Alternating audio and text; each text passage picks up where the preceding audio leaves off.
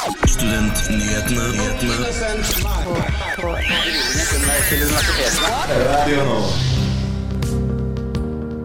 Og velkommen til Studentnyhetene, Radio Novas helt egne nyhetsprogram laget av, for og med studenter. Mitt navn er Torunn Festøy, og det er jeg som skal lede dere gjennom den neste timen. I dag fredag 25. mars. Og med meg har jeg Sigrun Tårne. Hei, hei. Og selvfølgelig også en tekniker, som i dag er Carl Magnus Olsen. Og eh, denne fredagen har vi mange ulike nyheter til deg, eh, så hvis du vil bli litt klokere på hva som rører seg i studentverden og verden generelt, så er det bare å fortsette å lytte. Eh, Hva er noe av det vi skal snakke om, Sigrun? Vi skal snakke om valg av studentparlamentet ved UiO som nærmer seg, og vi har snakket med lederen for Realisten, Realistene. Ja, Og er eh, SIOs kantinetilbud for dyrt? Vi har tatt turen innom Fredrikke spiseri på Blindern. Regjeringen har kommet med støtteordninger for ukrainske, russiske og hviterussiske studenter i Norge, og vi skal snakke litt om hva den ordningen innebærer. Over 9000 flyktninger har allerede kommet til Norge. Røde Kors Oslo gir oss en god guide om hvordan fattige studenter best kan hjelpe med å ta imot ukrainere som nå rømmer fra krigen. Og selvfølgelig skal du få ukens nyhetsoppdatering.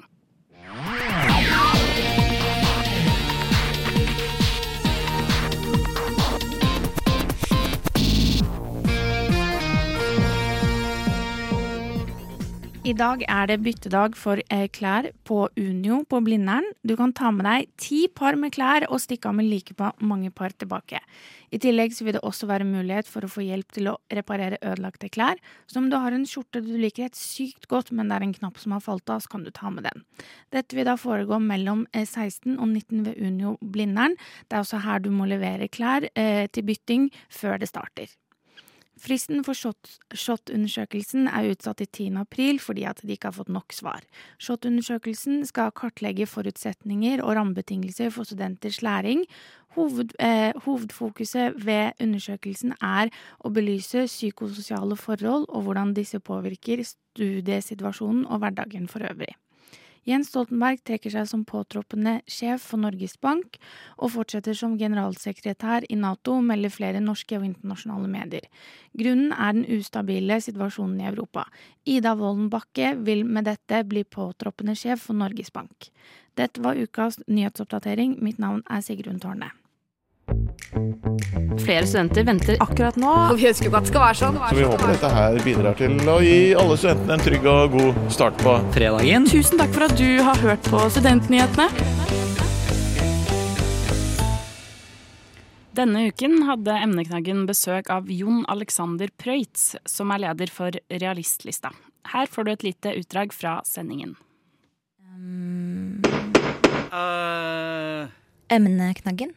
Velkommen til emneknaggen. I dag er det Realistlista som står for tur, og vi har fått besøk av listeleder Jon Alexander Prøitz. Hallo. Hei, hei. Tusen takk for at jeg får komme. Veldig hyggelig at du hadde lyst til å komme. Hvordan har dere nå gått fram? Fordi dere stilte jo ikke i 2021, stemmer det? Det stemmer. Eh, Det var litt uheldige omstendigheter som førte til at det ikke var mulig. Hvordan har dere nå gått fram når dere skal utforme ny politikk? Hva er det dere på en måte velger å fokusere på da? Nei, nå har vi, tro det eller ei, hatt eh, to lange år med pandemi. Og eh, vi er veldig bekymret for det sosiale livet til studentene. Eh, Det legger man merke til. Det er et mye mindre liv på campus nå. Det synes vi er veldig trist, det synes vi er skremmende, og det er der vi ønsker å legge hovedinnsatsen vår. Hvordan, hvordan kan man eh, øke det sosiale livet på campus? Nei, for meg så er det aller, aller beste tiltaket det er å gjøre det lettere å være studentforening. Det finnes så mange av dem. Dessverre har vi mistet nesten en tredjedel. Det er veldig trist. Det må vi ordne opp i. Vi må gjøre det lettere å drive studentforening. Vi må gjøre det lettere å bli med. Vi må sørge for at det er kjempelett å ha masse masse lavterskelarrangementer som hvem som helst kan bli med på. Passe på at studentene har et sted å gå, et sted å hygge seg, et sted å møte andre, diskutere viktige og uviktige ting. Og danne nettverk, møte nye mennesker, ha det gøy. Det, altså, hvordan gjør man det? Er det å lage flere eh, lokaler hvor studentene kan møtes, eller vil man forbedre de som allerede er? Begge deler, for all del. Eh, det aller viktigste her er jo egentlig å passe på at alle har det de trenger for å kunne ha disse arrangementene, ha møteplasser. Og det er jo det vi da ønsker å ta tak i først og fremst. Eh, ikke bare finansiering, men lokaler, som du sier. Et sted å være. Um, skal, kommer dere kun til å fokusere på dette, dette, sosiale aspektet, eller er det noen andre konkrete saker dere jobber for? Nei, vi kommer til å se på mer. Uh, en av våre store kjernesaker er jo at vi f.eks. ønsker mer arbeidsrelevant praksis i studiene. Uh, det er noe veldig mange kan dra nytte av. Det er noe jeg tror veldig mange ønsker. Og hva skal man si? Det er et veldig, veldig nyttig tiltak for veldig mange. Eh, og kan du komme med noen eksempler på hva, hva slike tiltak ville vært? Eh, eh, arbeidsrelevant praksis ville jo ganske enkelt vært at de som ønsker det, kan få praksis. De kan møte opp i arbeidslivet og gjøre det gjennom universitetet. Um, og hva, hva, slags andre ting kommer dere for, Altså studentboliger, f.eks. Er det noe dere er opptatt av? Studentboliger er veldig viktig. Det er veldig viktig å ha studentene nærme campus. Uh, vi ønsker at studentenes kjøpekraft primært skal bli bedre. Vi ønsker at man skal ha mer å rutte med. Prøve å, gjøre det enklere å komme seg gjennom hverdagen. Vi merker jo nå at mange sliter. Mange må ty til å jobbe mer enn det de kanskje er komfortable med. Og vi ønsker jo å legge opp til at man skal være komfortabel på studiet sitt. Da er det veldig viktig at man har et sted å bo, og at man ikke bruker for mye penger. Eh, nå høres det ut som man lukter litt på øking av studiestøtten. Er det noe dere kommer til å jobbe for? Vi ønsker å sette studiestøtten, på studiestøtten tilbake til 1,5 G, eh, og kommer til å jobbe for det. Der hørte du journalist Selma Bull og leder for Realistlista, Jon Alexander Preutz. Hvis du vil høre hele sendingen, ligger den ute som podkast.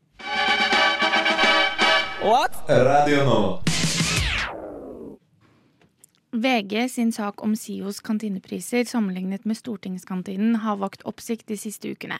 Vi har prøvd å få en liten oversikt over problematikken. Det er lunsjtider, og de sultne studentene står i matkø på Fredrikke spiseri. Køen er lang og treig, særlig når det er så mye å velge mellom.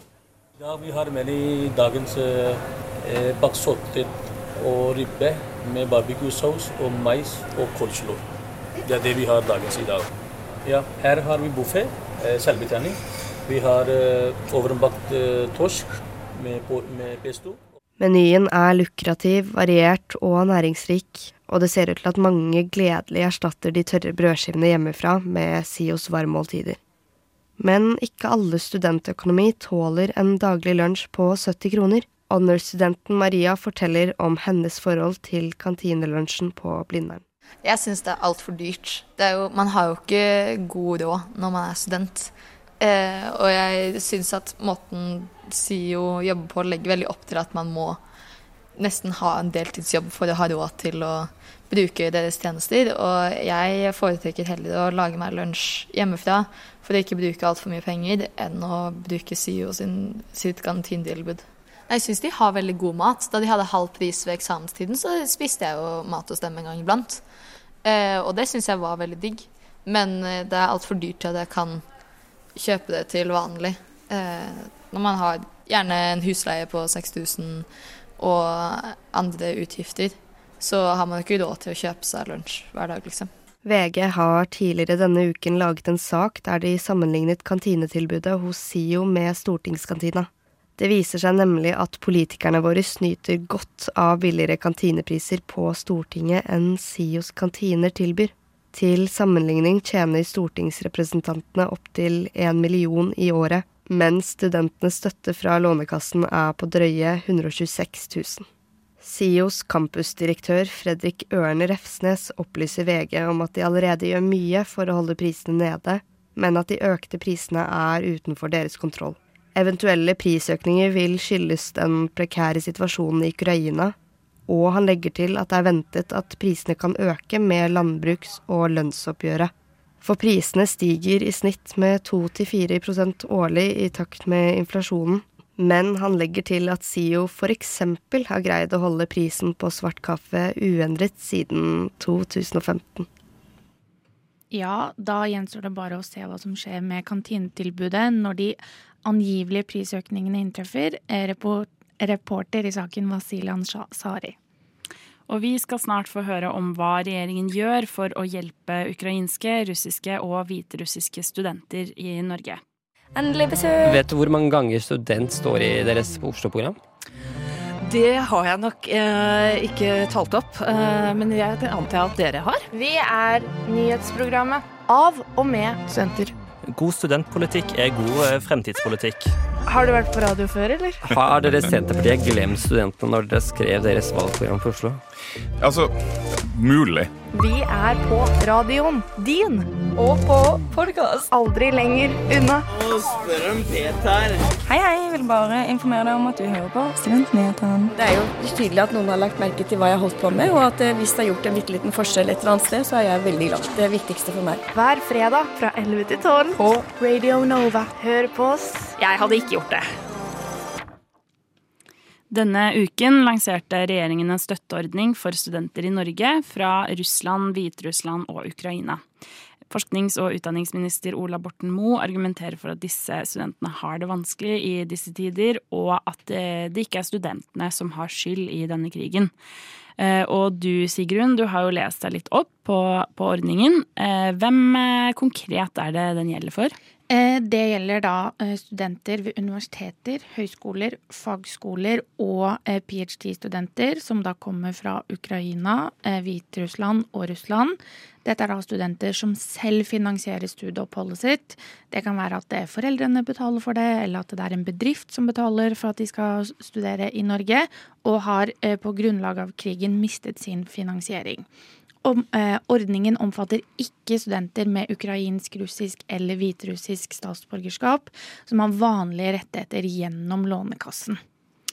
Ja, og ja, de fleste kan jo kanskje forstå eh, på en måte at ukrainske studenter sliter og sånn, men man inkluderer også russiske og hviterussiske. Hva er det på en måte Eller du nevner jo at, eh, at de kan ha mistet tilgang på finansieringen. Er det noe mer sånn konkret du kan si, som de har vanskeligheter med? Eh, det er eh, blant annet i forhold til eh, russiske, så er det at rupelen har jo gått ganske ned. Mm. Så de pengene er ikke like mye verdt lenger. Og da hvis de har en bedrift, så kanskje bedriften kan ikke finansiere det lenger. Og Ola Borten Moe sa også at det var veldig viktig for regjeringen å inkludere russiske og hviterussiske studenter. Grunnlaget for dette var jo at de har ikke valgt eh, at deres land skal eh, ta aktiv del i denne krigen. Mm.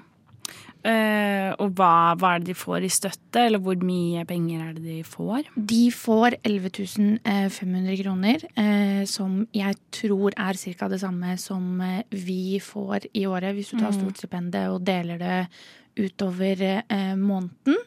Det, de, får, de, får, disse pengene på et et, et bankkort, sånn jeg har skjønt det. Ja.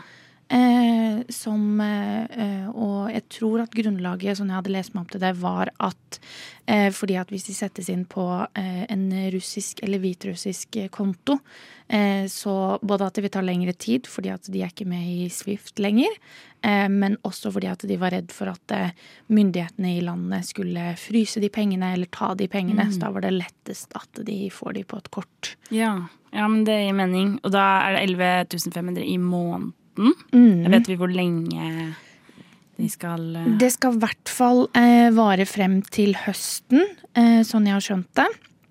Det, det, er vel det de har, men jeg regner med at de tar fortløpende mm.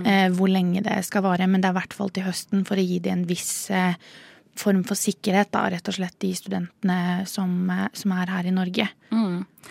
Og vet vi ca. hvor mange studenter som, som, kommer til å omfattes av eh, ordningen? Eh, ifølge regjeringen eh, så eh, trodde de at det var mellom 50 og 300 studenter eh, som eh, kunne ha krav på dette. Det fins flere som er fra fra disse landene, men de har eh, rettigheter gjennom eh, Lånekassen.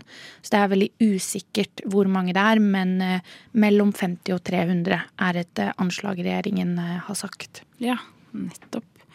Eh, og hvem er det liksom som har fått eh, ansvaret for å organisere denne ordningen? Det er eh, utdanningsinstitusjonene eh, som har fått det organisatoriske.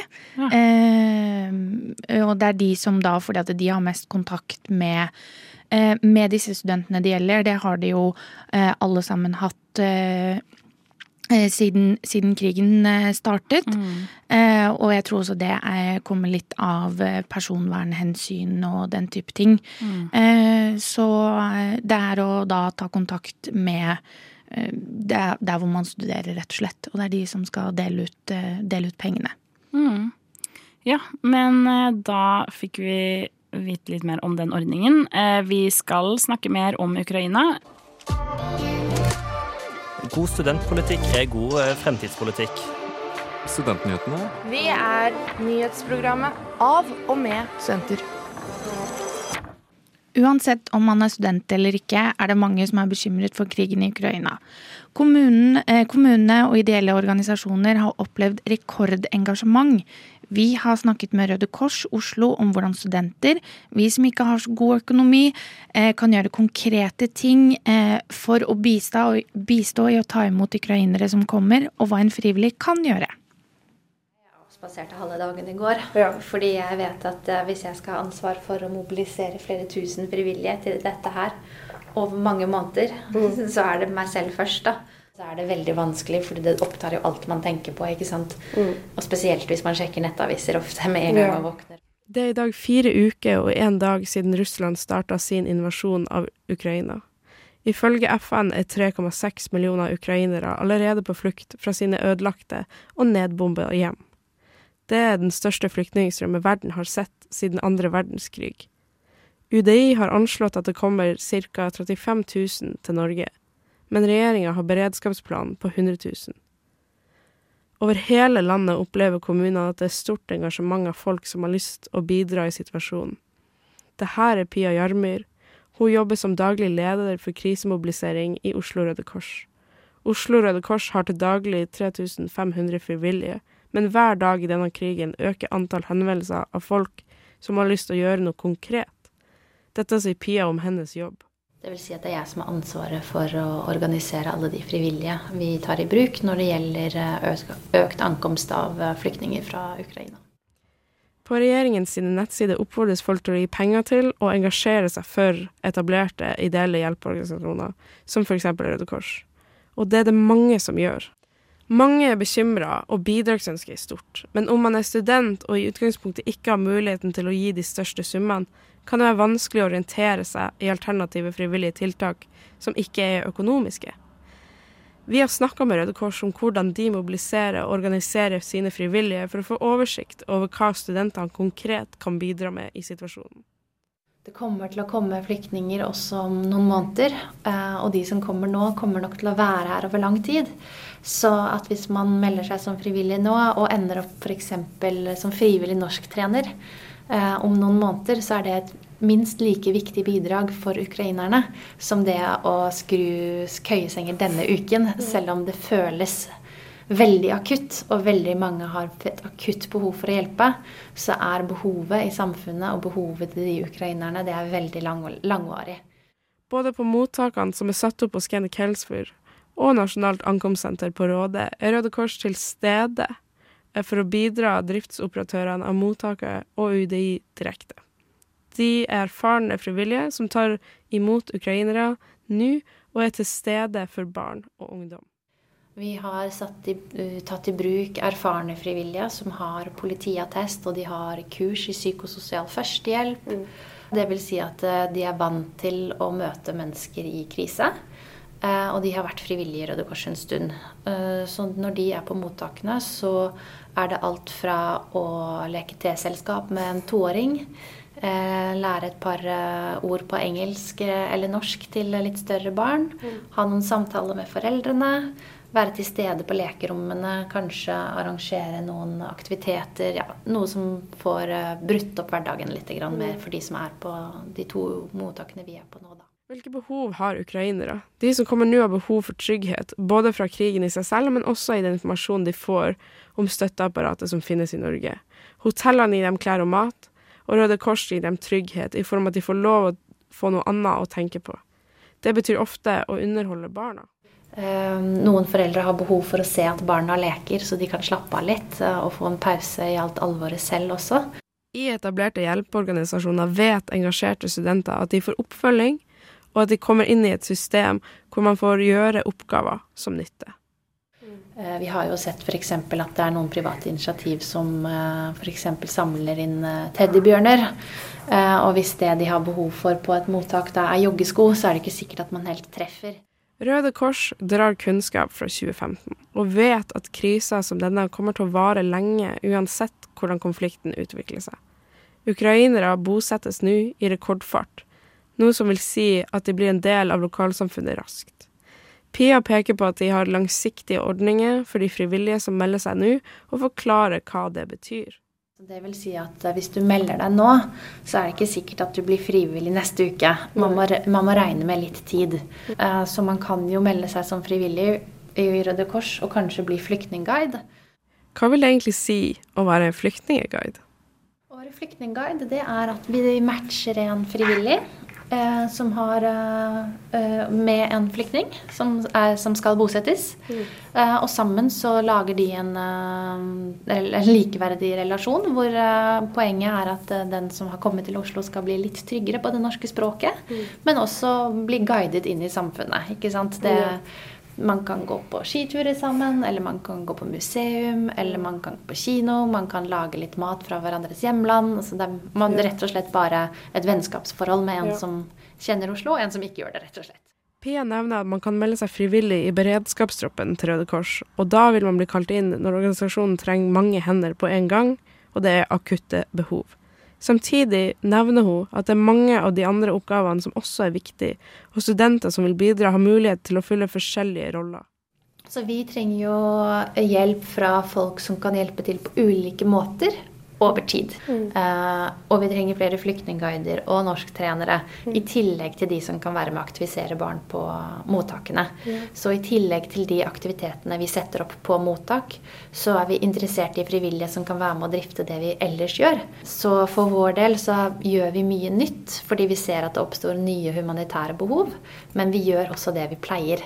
Eh, Og frivillige som kan være med og styrke oss på begge fronter, og som kan på en måte være med å se den helheten. Mm. Og at dette her er et eh, behov som vil vedvare over tid. Um, Det er nok veldig viktig for oss. Samtidig som Røde Kors sier at alle pengene de får inn, vil bidra godt som nødhjelp i det krigsherja landet, sier de også at all, de alltid vil trenge frivillige til å bistå her hjemme med diverse oppgaver som de ser at de trenger. Hvis folk kan eh, Hvis alle vet at det kan ta litt tid, nettopp fordi det er mange som melder seg, og behovene endrer seg litt, sånn at vi må sette inn ulike frivillige til ulike oppgaver. Ja. Så vi har alltid behov for flere frivillige eh, som vil hjelpe til. Um, og jo flere som tenker at dette er noe de kan gjøre over tid, fordi behovene vil vedvare over tid, jo bedre er det. Eh, Etter planen skal vi neste uke også snakke med organisasjonen eh, Caritas for å høre mer om hva studenter kan gjøre. Reporter i denne saken var Ingrid Karoline Karlsen. Radio Nova er best. Alle andre er tapere. Radio Nova.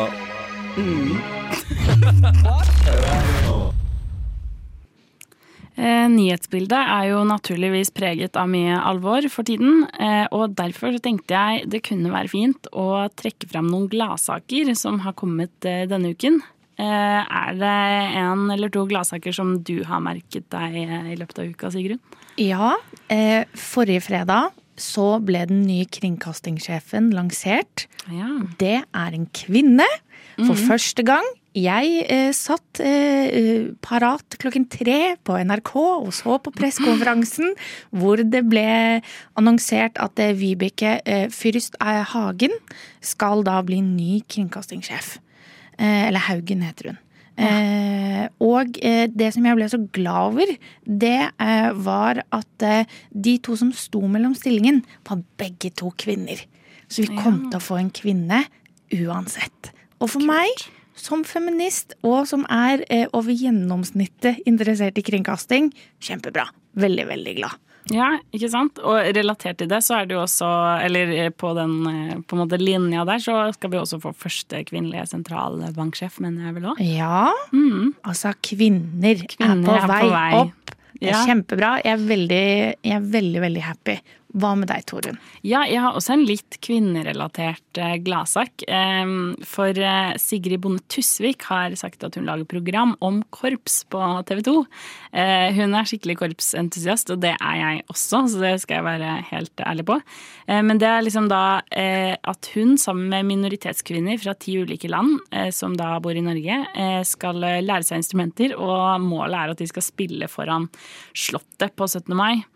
Og det som jeg syns er kult med den saken, som gjør meg glad med den saken, er å liksom framsnakke korps som en litt sånn inkluderende aktivitet. Spesielt når du er barn, da, så er det en veldig sånn Det er ikke så mange andre aktiviteter du kan være med på der hvor du går på tvers av alder, på tvers av kjønn, kanskje på tvers av skoler, og at man Det er også veldig sånn lagarbeid. Det er liksom ikke Du kan liksom ikke toppe laget i korps, på en måte. Du må liksom, man trenger en tredje klarinett, så hvis du er dårlig, men eh, fortsatt kan spille de notene, liksom, så trengs du uansett. Så alle er på en måte nødvendige sammen. Så eh, ja, det er kanskje litt, eh, litt eh, nerdete akkurat den, men, men det var for så vidt kanskje din, din gladsak også, Ja. Tigrim, bitte litt. Um, men eh, ja, men kult at, at kvinner, kvinner har hatt noen gladsaker denne uka. Eh, Vi skal jo snart runde av eh, ukens sending. Studentpolitikk det har ikke vært en hovedprioritet. Så jeg er veldig glad for at dere er opptatt av det her. Tusen takk for at du har hørt på Studentnyhetene. Ja, og da nærmer vi oss slutten på Studentnyhetene for i dag. Og det betyr jo at det straks er helg. Eh, Det er meldt eh, kjempefint vær denne helgen, eh, eller i hvert fall varmt og godt, før det blir kaldere neste uke, så man må jo utnytte det, tenker jeg. Har du noen tips til hva man kan gjøre i, i Oslo og omegn i helgen, Sigrun? Ja, det er jo som jeg nevnte tidligere i dag, det er byttedag på Blindern. Og så er det også i dag, så er det vaffeldagen. Så jeg tenker jo at det kan bli vaffelhelg. Ja, Eh, Så spis, lag enten, eh, enten kjøp eller spis vaffel i løpet av helgen. Det skal i hvert fall jeg gjøre. Og hva, hva med hvilket eh, pålegg, holdt på å si? Eh, da er jeg en brunostjente. Jeg er eh, en syltetøyjente. Men, eh, men det er deilig at man kan velge mellom masse godt. Jeg burde egentlig sagt pølse, siden jeg er fra Moss. Ja, Men nei. Men nei. Eh, ja, eh, jeg har også noen tips. Eh, jeg vil slå et slag for eh, Kolsåstoppen. Eh, hvis du er litt lei av Grefsenkollen eller Ekebergparken og du vil gå en god tur og få et utsiktspunkt, så kan man ta banen ut til Bærum. Det er fortsatt inne på sone 1, så eh, du slipper å betale ekstra for, på månedskortet. Og, og veldig fin tur. Eh, og hvis man eh, er interessert i den slags, så er det også Oscar-utdeling natt til mandag. Og det er jo litt spennende. Med Eh, norsk film. Med norsk film. Det er jo ikke hver dag. Så hvis man har tid og mulighet til å holde seg oppe den natta, så kan man jo gjøre det. Eh, Men da tror jeg vi egentlig bare trenger å si tusen takk for at du hørte på Studentnyhetene i dag. Eh, Hver uke så legger vi ut podkast fra sendingen, sånn at du kan lytte på våre sendinger når som helst. Eh, Følg oss også gjerne på sosiale medier. Der heter vi Studentnyhetene. Og mitt navn er Torunn Festøy, og med meg i studio i dag har jeg hatt Sigrun Tårne, og vår tekniker i dag har vært Carl Magnus Olsen. Alle gjerne trenger mer podkast. Du har hørt på Studentnyhetene i dag. Jeg hoppa litt i taket. Jeg var veldig overraska. Jeg hadde ikke forventa å ende opp eh, her, egentlig. Å, hyggelig. Jeg følger bare med å sette høye krav og kjempe for dem, da. Eh, Og si at det her er ikke godt nok. Eh, Men tusen takk for at du har hørt på Studentnyhetene i dag. Jeg hadde ikke gjort det. Gjort det.